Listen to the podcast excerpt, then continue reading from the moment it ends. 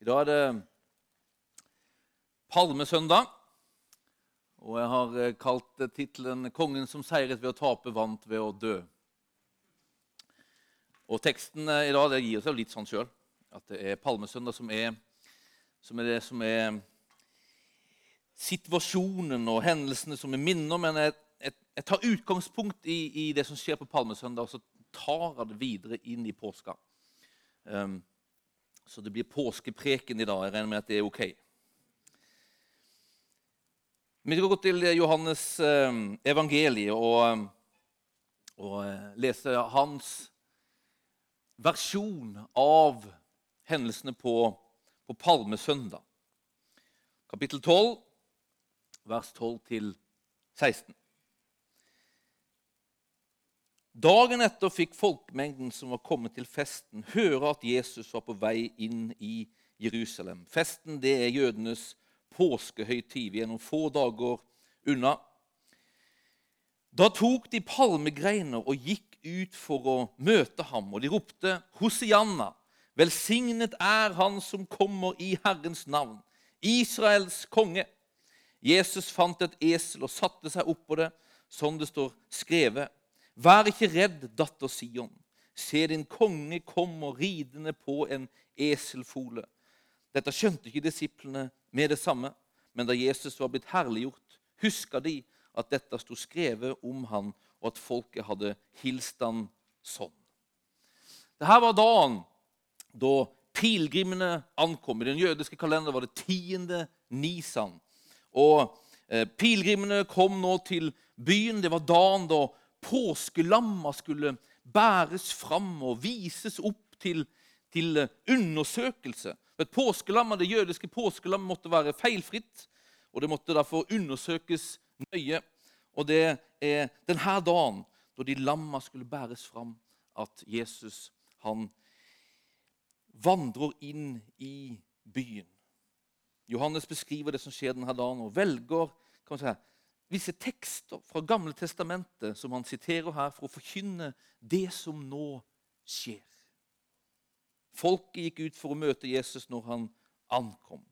Og Hyldningen peker på åssen de ser på ham. Det er en konge som nå kommer.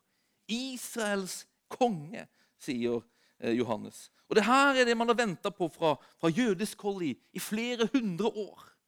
Helt siden den siste kongen de hadde satt på tronen i Jerusalem, det var 600 år før. Helt siden da så hadde de lengta og venta på en ny konge. En ny konge av Davids ett. Det var lova i Skriftene at en konge av Davids ett skulle sitte på tronen for evig. Men nå så var man lydstat under det romerske keiseren. I det som på mange måter var et fortsatt fangenskap, og man venta på den som skulle konge, komme. Den herre kongen som skulle gjenopprette Israels storhet. Nå nærmer påska seg. Og Hver påske så, så leste man fra en, en, samling av salmer som vi har i, i, våre bibler, i Salme 113 til 118. Og påska som ble feira for å minnes Åssen Gud hadde frelst folket fra et fangenskap i Egypt gjennom Moses. Nå venter man på nytt Guds frelse. Det var en tid der man spesielt venta og satte fokus på den frelsen som skulle komme. Og Mot slutten av Salme 118, mot slutten av denne samlinga av salmer som man leste til påske, så løftes øynene mot denne frelse som skal komme. Og så er det det som Johannes her siterer. Salme 118.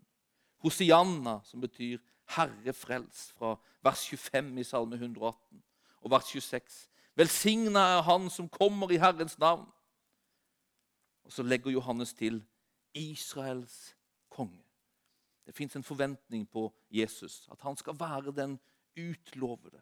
At han skal være Guds Messias, at han skal være Guds frelser til folket. Og palmegreinene ble brukt i den anledningen. Det ble brukt når man hylla triumferende, seirende konger når de kom. Det fantes en forventning i lufta. Og de har rett. Det er akkurat det han er. Her kommer Guds Messias, folkets frelser. Her kommer en seirende konge. Det er bare det at han kommer for å være det på en annerledes måte. Han kommer for å gjøre det på en annerledes måte. Han er kongen, han er Davids sønn, men han er annerledes enn den politiske kongen som David var. Han kommer for å etablere sitt rike, men det er et annerledes rike enn de store, store kongene hadde etablert før han. Akkurat nå så leser jeg Oskar Skarsaunes bok. 'Etterlyst'. Bergsprekenens Jesus. Kan anbefale den, forresten. Men Han skriver om Jesus i den boka. Han kommer som konge, men han kommer som en annerledes konge for å etablere et annerledes rike. Og så beskriver Skarsaune det her med å si det nøyaktig sånn. Han vant ved å tape. Han seira ved å dø. Det er akkurat det påska handler om. Det fins ulike oppskrifter til seier, men det fins få som denne. Seiersoppskrifter handler som regel om å utvikle og utnytte den egne styrken på en sånn måte at den overvinner fiendens eller konkurrentenes styrke. I idrett så handler det om å utvikle muskler, en frisk kropp, et smart hode eller ha det beste utstyret. Og Jeg leste her eh, Ole Einar Bjørndalens oppskrift, og man kan si det sånn at ingenting var overlatt til tilfeldighetene der i gården. Det var, det var et rigid liksom, eh, eh, analyse, og det var alt for å få utnytte sin egen styrke maksimalt for at han skulle få være sterkere, raskere, smartere enn sine motstandere. I idrett og i øvrige områder av livet så handler en seiersoppskrift veldig sjelden om å være svak. Det er veldig sjelden om å overgi seg eller om å tape. Jeg hadde den store gleden av å være i Sverige under sist vinter-OL og tenkte jeg måtte ta med den her. Dette var Eurosport Sverige under, under vinter-OL i fjor. Jeg var i Sverige, og så popper den her opp. Sammenfatning av OL, står det. Man sover, Norge tar gull. Man våkner, Norge tar gull. Man blinker, eller det betyr blunker, Norge tar gull. Man spiser, Norge tar gull. Og I Sverige så har man vært ganske sånn generelt nysgjerrige på Norges seiersoppskrift. Men jeg tror ingen har kommet på tanken om at det skulle handle om å være svak, eller om å overgi seg, eller om å tape. Men påska forteller om en annerledes seiersoppskrift. Han som hylles som triumferende på palmesøndag, som seierskongen, han ser ut til å tape på langfredag fem dager seinere. Men når det som skjer, ser ut som et tap, så er det i virkeligheten en triumf som er langt større og mye mer langtrekkende enn folket noen gang hadde forestilt seg. Her er det ikke et folk som forløses fra et politisk betrykk eller fra et politisk rike. Nei, det er en hel menneskelighet som forløses fra et åndelig, eksistensielt og evig fangenskap under synden og dødens herrevelde. Dette syndens herrevelde, denne dødens makt, det er et herrevelde av makt og betrykk, av urenhet, av destruktive krefter. Det er som et sykdomsmakt som har fått tak på mennesket. Denne sykdommen som gjør at mennesket fylles av et mørke, av en angst og av en skam. Og Den uttrykker seg i, i opprør, i stolthet og i uavhengighet, der vi går vår egen vei og bygger vårt imperium. Denne makten, denne sykdommen som hadde ramma menneskeheten, det er den makten Jesus stilles innenfor. Det er mot denne makten han har kommet for å kjempe. Det er ikke en romersk keiser, men en mørkets fyrste.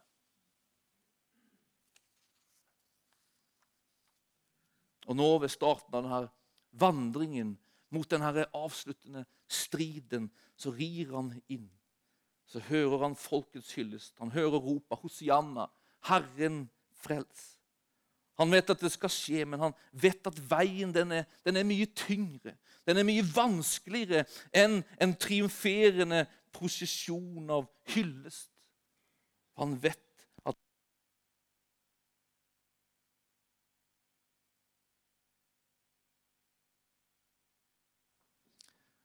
Han vet at for å vinne må han tape, for å seire må han dø. Det fins nemlig bare én vei ut av synden, og det er døden. Syndens endestasjon er død. Død som ikke betyr slutten på noe, men som betyr å være avskilt fra noe. En fysisk død venter han, der kroppen skilles fra det indre mennesket og slutter å fungere. Men òg en åndelig død som innebærer å smake det å være skilt fra Gud. Jesus måtte smake døden. Ikke for sin egen skyld, men for vår skyld. Jesus sjøl var ubesmitta av synden. Han var levende i et tett fellesskap med sin far. Synden hadde ingen makt over han.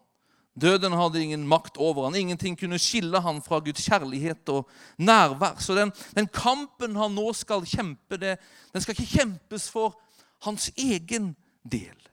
Han skal kjempe vår kamp. Den kampen som vi for lengst hadde, hadde tapt. Den kampen som vi ikke kunne ta opp. Ingen tar mitt liv, sa Jesus, men jeg gir det frivillig. For jeg har makt til å gi det og makt til å det tilbake igjen. Og denne verdens fyrste, sier han. Den onde har ingen del i meg, sa Jesus. Men denne verdens fyrste hadde fullt grep på oss. Og Jesus han trer inn i vårt sted for å kjempe vår kamp. Han gir sitt liv for vår skyld, vi som på grunn av synden var tvungen til å gi det. Han smaker synden, han smaker ondskapen, han smaker mørket, han smaker distansen til Gud. Han smaker alt det her før han stiger inn og smaker dens ytterste konsekvens, nemlig døden. Når folket tror at Jesus marsjerer inn i Jerusalem denne dagen for å innlede en, en strid for folket ved å bli en politisk og militær leder, så vet Jesus at nå innledes det en strid for folket som skal vinnes ved at han blir Guds lam. Hvert år ved den jødiske påsken skulle alle jødiske menn slakte et lam. Til minne om første, det første påskelammet som ble slakta den gangen Moses leda Israel ut av Egypt. Det lammet ble slakta for at ikke de jødiske hjemma skulle rammes når det førstefødte guttebarnet måtte dø i hvert egyptiske hjem. Hvert år skulle man føre fram et lam som skulle slaktes til minne om denne Guds frelse. Og Det er akkurat denne dagen, som er vår palmesøndag, at i den jødiske påsken det her lammet ble ført fram. Alle skulle føre fram det lammet som de hadde valgt. Det skulle føres fram under, og under fire dager så skulle det sjekkes for feil. Denne dagen da påskelamma skulle føres fram i Jerusalem, den dagen fører Gud fram sin sønn for at han skal bli Guds lam. Den dagen da påskelamma begynner sin gjerning av å påminne om Guds frelse til et folk, så begynner på mange måter Guds lam sin gjerning av å fullbyrde en frelse for alle mennesker. Det er På langfredag så utkjempes det her slaget på et kors. I et mørke på Golgata-høyden utenfor Jerusalem. Klokka tre på ettermiddagen sier Jesus det er fullbyrda og dør. Idet han ser ut til å tape, så proklamerer han ut en seier. Jeg tenkte vi skulle se et klipp fra en film i dag. En film som ikke handler direkte om det her, men som på mange måter indirekte gjør det. En av mine favorittforfattere heter C.S. Lewis. Og C.S. Lewis er en fantastisk forfatter, men han er jo en fantastisk teolog.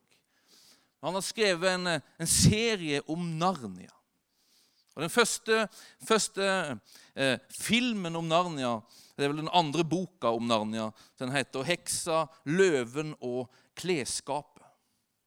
Det er ikke mange som har sett Narnia. En del, en del eldre har ikke gjort det.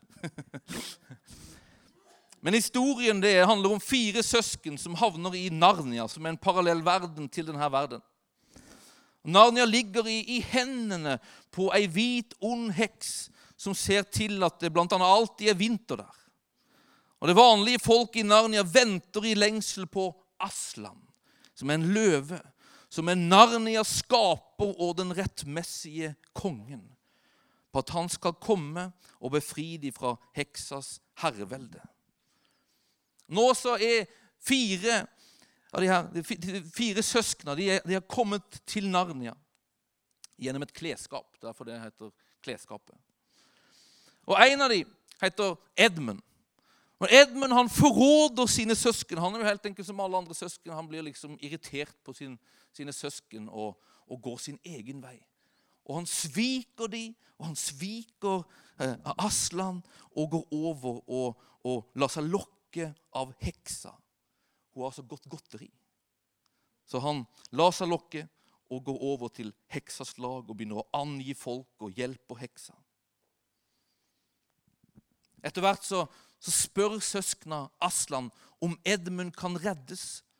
Og Aslan svarer ja, det kan han, men det kan bli vanskeligere enn dere tror. Etter hvert så reddes Edmund fra heksa og føres til leiren der søsknene venter, der Aslan er, og alle er glade over at Edmund er tilbake igjen. Men da kommer heksa og besøker de i leiren, oppsøker de der, vil prate med Aslan, og så gjør hun anspråk på en lov som er nedlagt i Narnia, nemlig at alle forrædere tilhører henne.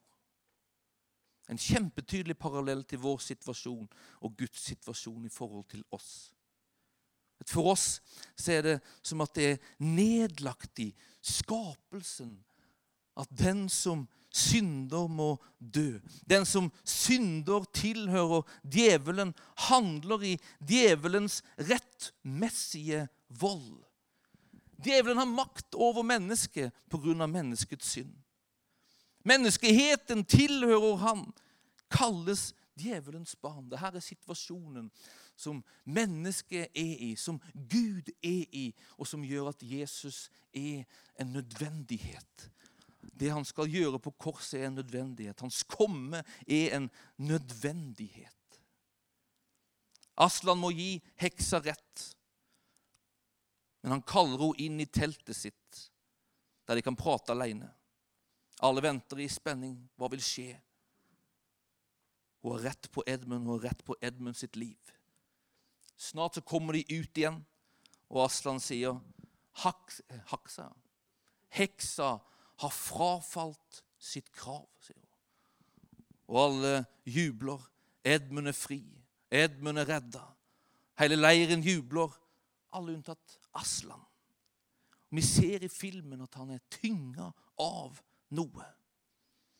Så ser vi videre at på natta så våkner to av de to søstrene til Edmund. De våkner, og så hører de lyder. Og Så oppdager de at Aslan går ut av leiren, og de følger etter ham på avstand. Han vandrer gjennom skogen fram til en åpning der han tas imot av heksa og hele hos armé av stygge skapninger. Der er det et steinalter, steinalter og til jentenes store forskrekkelse så legger Aslan seg på alteret, og heksa og hos armé begynner å plage og pine han. Og det er her vi kommer inn i filmen. Jeg tenkte vi skulle se et klipp eller to fra det her. Der det er rett før det jentene har trodd var en seier tidligere på dagen, ser ut til å ende i et knusende tap. Der vi ser løvene i ferd med å gå i døden. Heksa har frafalt kravet på Edmunds liv fordi Aslan har tilbudt sitt liv i Edmunds sted. Hva er det han har gjort? Hva er det han holder på med? Er det jentene tenker på? La oss se.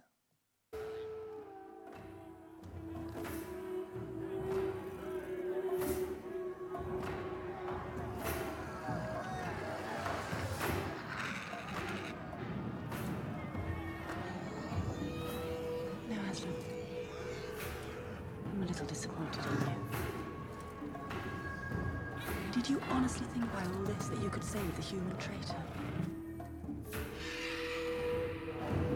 You are giving me your life and saving no one. so much for love.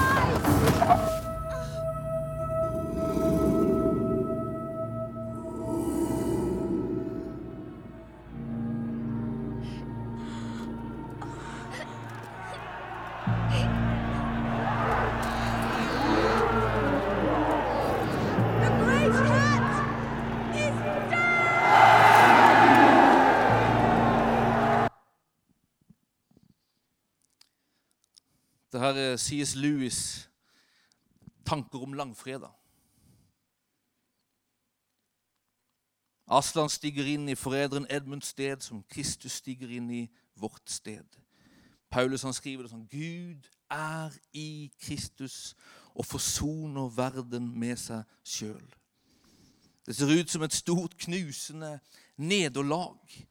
Der alt håp som har funnes, all forventning, ser ut til å være knust. Vi hørte heksa, hun sa til Aslan, du, du skuffer meg. Trodde du virkelig at denne her veien kunne lede til seier? Ja, du befrier Edmund, men i og med at du dør, så kommer ingen til å kunne hindre meg i å vinne det avgjørende slaget om Narnia. Narnia er nå mitt, sier heksa. Jeg tror hun har vunnet. Men så Litt tid går. Setter på et nytt klipp.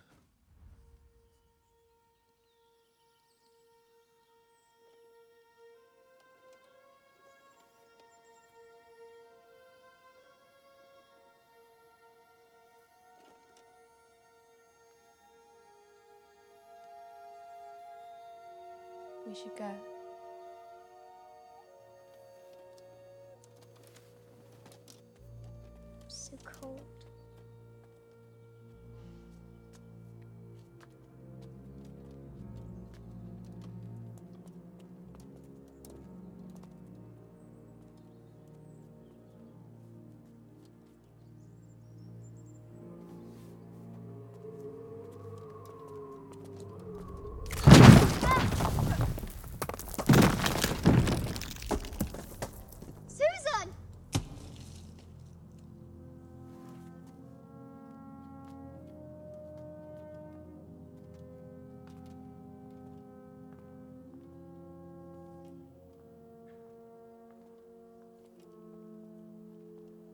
Aslan.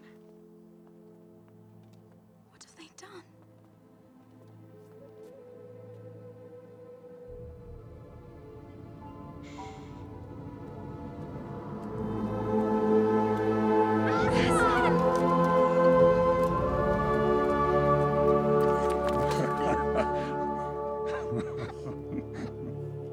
But we saw the knife. The witch. If the witch knew the true meaning of sacrifice, she might have interpreted the deep magic differently. That when a willing victim who has committed no treachery is killed in a traitor's stead, the stone table will crack and even death itself would turn backwards. We sent the news that you were dead. Peter and Edmund will have gone to war. We have to help them. We will, dear one, but not alone. Climb on my back. We have far to go, and little time to get there. You may want to cover your ears.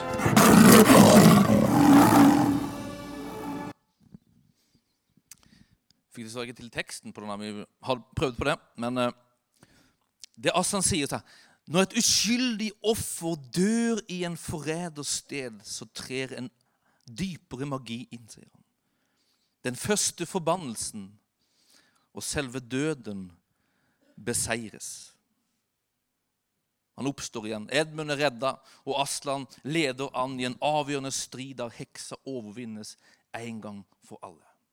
Dette er C.S. Lewis' bilde av det som skjer på Golgata kors, fortalt i en skjønnlitterær historie i Narnia. Utrolig sterk, utrolig talende.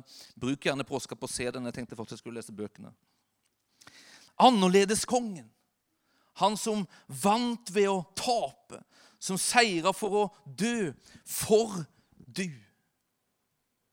Vet, han strei en strei, en strei, en strei. Han strei en strid. Han strei en strid for du. For du.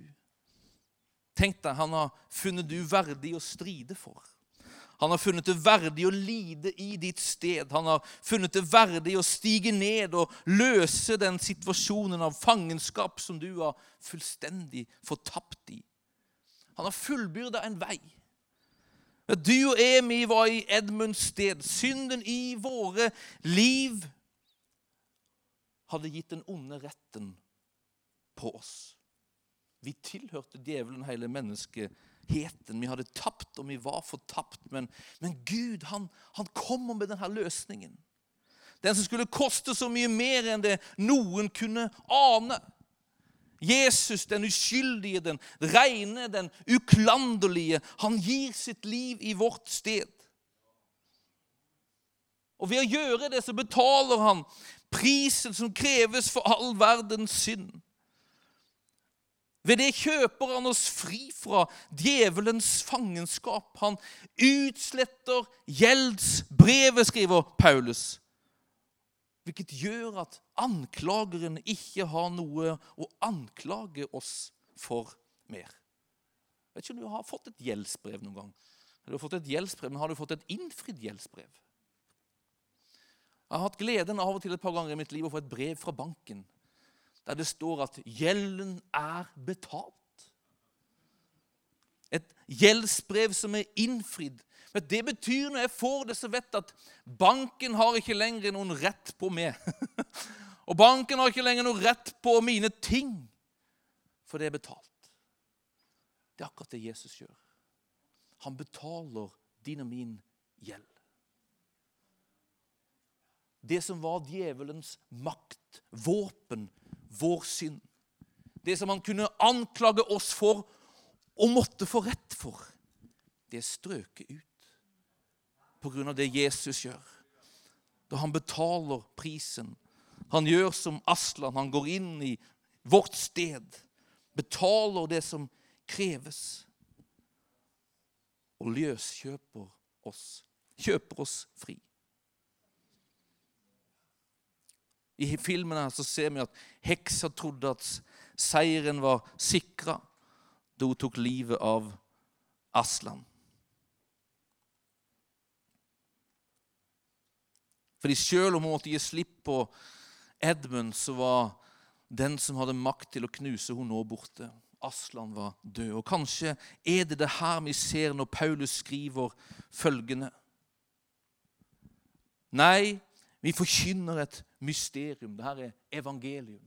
Guds skjulte visdom. Før tidenes begynnelse hadde Gud bestemt at den skulle føre oss fram til herligheten. Denne visdommen har ingen av verdens eller universets herskere kjent.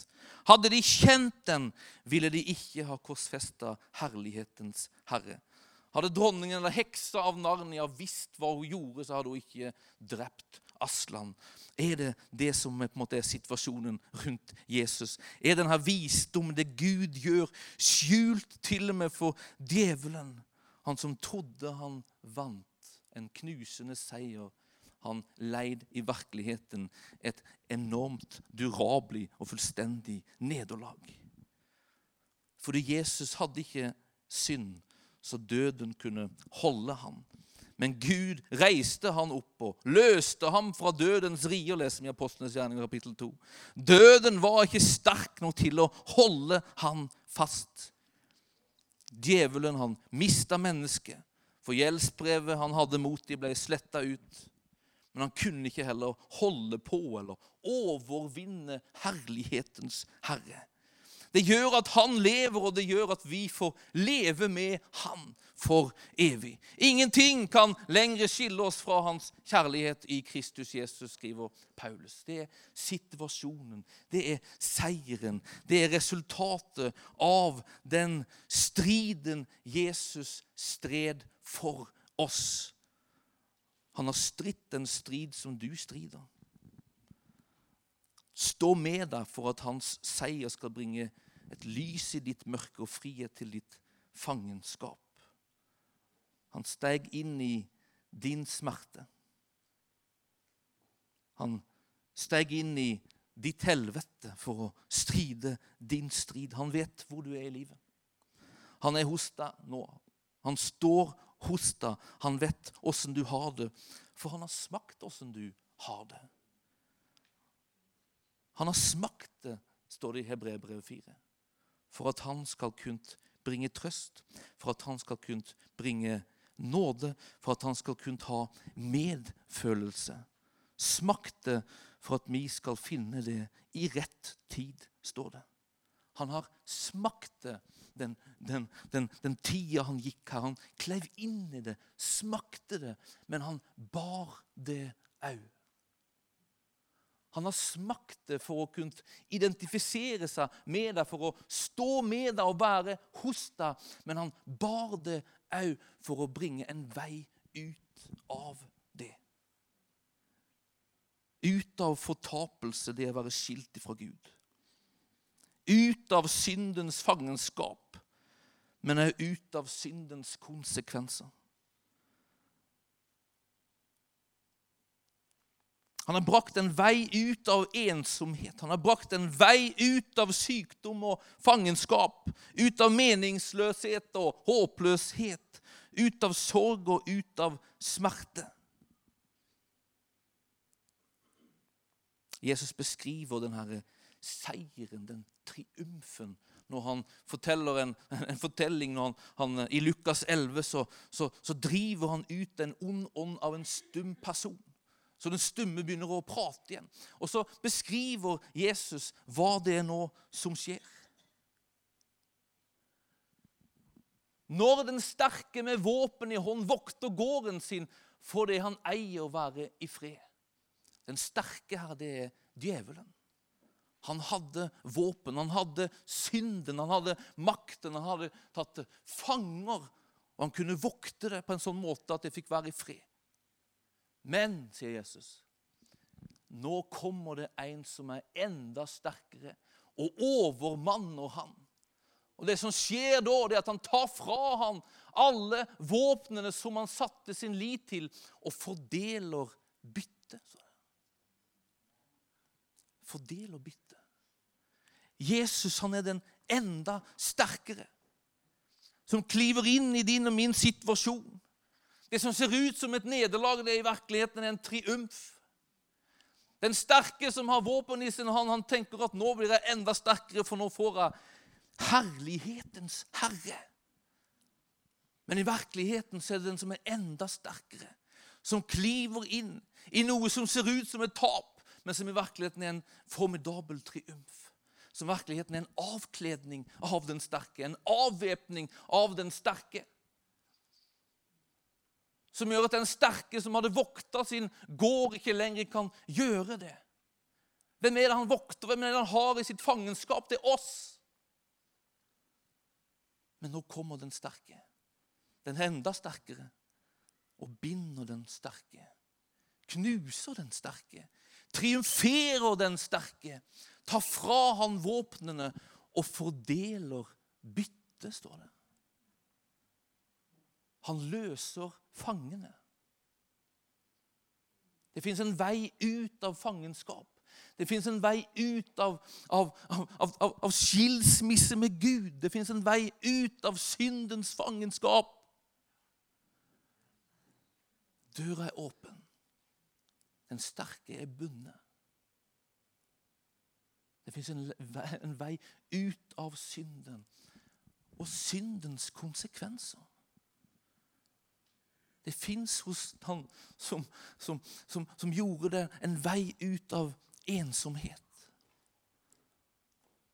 Av smerte, av sykdom. Han kom for å bli de hjelpeløses hjelp. For å bli de fattiges rikedom, for å bli de trøstes løses trøst. For å bli de sykes lege, for å bli de fangnes frihet. Han kom for å gjøre tilgjengelig et liv som hvert menneske var evig skilt ifra.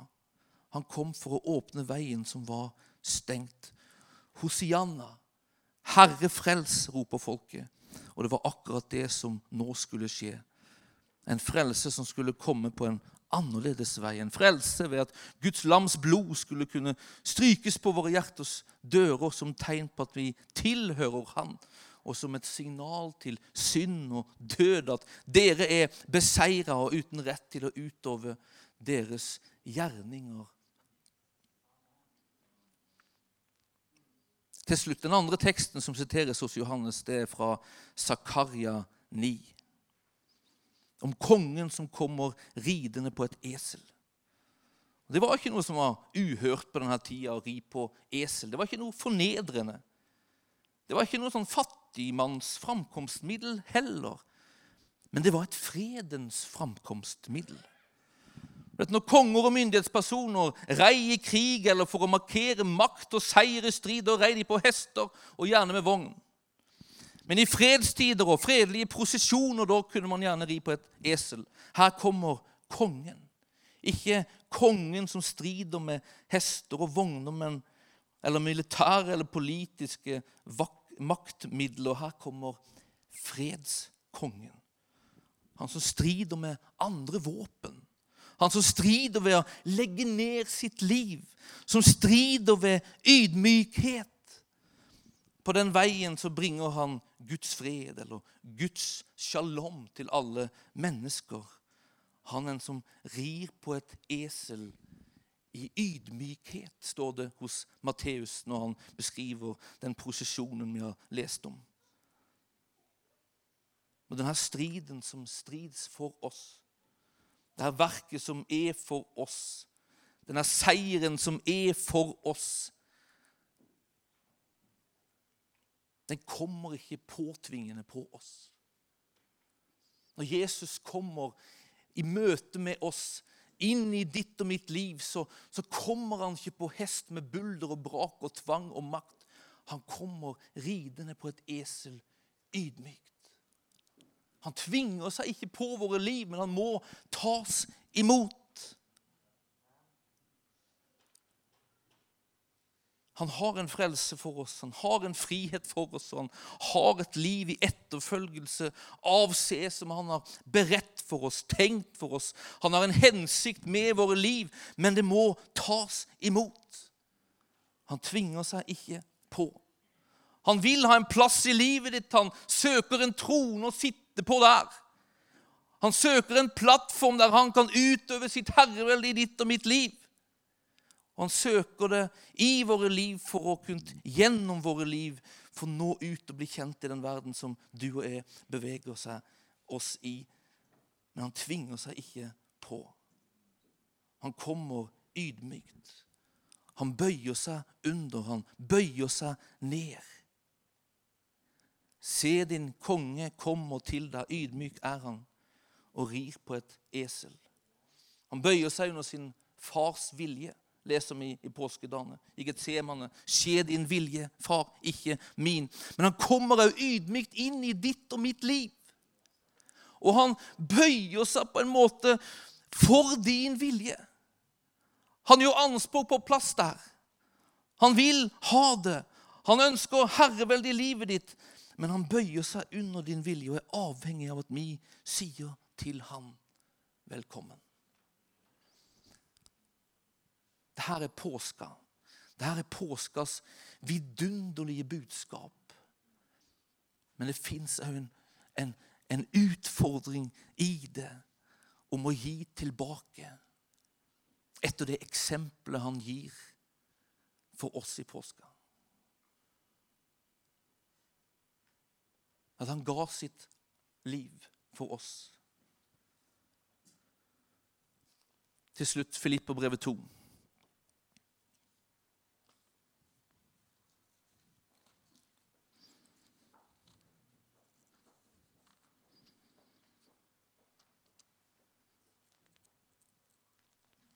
Det vi var inne på helt i begynnelsen her. Han var i Guds skikkelse, står det om Jesus. Og så det ikke som et rov å være Gud lik. Dette er det han gjør i påska. Men ga avkall på sitt eget. Tok på seg tjenerskikkelse og ble mennesker lik da han sto fram som et menneske. Fornedra han seg sjøl og ble lydig til døden, ja, døden på korset. Derfor har Gud opphøyd ham til det høyeste og gitt ham navnet over alle navn. I Jesu navn skal derfor hvert kne bøye seg, i himmelen, på jorden og under jorden, og hver tunge skal bekjenne at Jesus Kristus er Herre, til Gud Faders ære. Påskas herlige budskap. Han gjør det for oss. Men grunnen til at Paulus setter det her inn her, det eksempelet Jesus viser oss ved å gi sitt liv for oss, det er for den setningen som står rett før der, i vers 5. Oppmaningen til oss som tror. La samme sinnelag være i dere som også var i Kristus Jesus. Den ydmykheten som var der den holdningen og tjener attityden av å sette andre foran oss sjøl. Det er utfordringen. Ydmykheten som bøyer seg under hans vilje. Som gir han rett. Og tjenerskikkelsen som, som bringer hans hjerte ut til mennesker rundt oss. Han rir på et esel, og han vasker disiplenes føtter. Det er sånn han er. På den veien triumferte han, og på den veien kaller han sitt folk ut til denne verden for å gjøre han synlig og gjøre han kjent. Himmelske Far, vi takker deg. Takk for påskas budskap. Takk for det som er utført for vår skyld, det som er fullbyrda for vår skyld, det som er åpna av en vei. Av vei til frelse, en vei til liv, Herre. Det er fellesskap med du, Herre. Vi bare vil gi deg ære, vi vil gi deg pris. Jeg ber at du skal få gjøre det stort og synlig for oss de dagene som kommer, Herre. Herre, vi vil være et folk, Herre, som som ser mer av det der. Vi ønsker det, Herre. Å se mer av ditt verk, se mer av din kjærlighet, se mer av det du gjorde, Herre. For at det skal kunne vekke et gjensvar i våre liv, Herre. Vi vil være et folk, Herre, som, som gir du plass, og som gir du tiltrede, og som går på den veien du har tenkt for oss, Herre. Den veien som ligner. Ikke ved at vi behøver å, å ofre livet vårt, for det har du gjort en gang for alle. Men Herre, den veien av tjenerskap, Herre, og ydmykhet, Herre, som gjør du synlig for mennesker. Far, det vår lengst at du skal få bli synlig for denne verden. At de øynene som du ser med, Herre, på Golgata kors, Herre, skal bli synlig for denne verden, Herre. Den kjærligheten, det hjertet som uttrykkes der. Den verdien som menneskeheten har i dine øyne, Herre.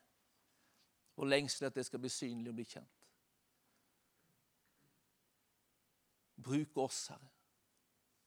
Send oss. Sett oss i stand, Herre, for å gjøre det. Herre, vi ærer og vi lover deg.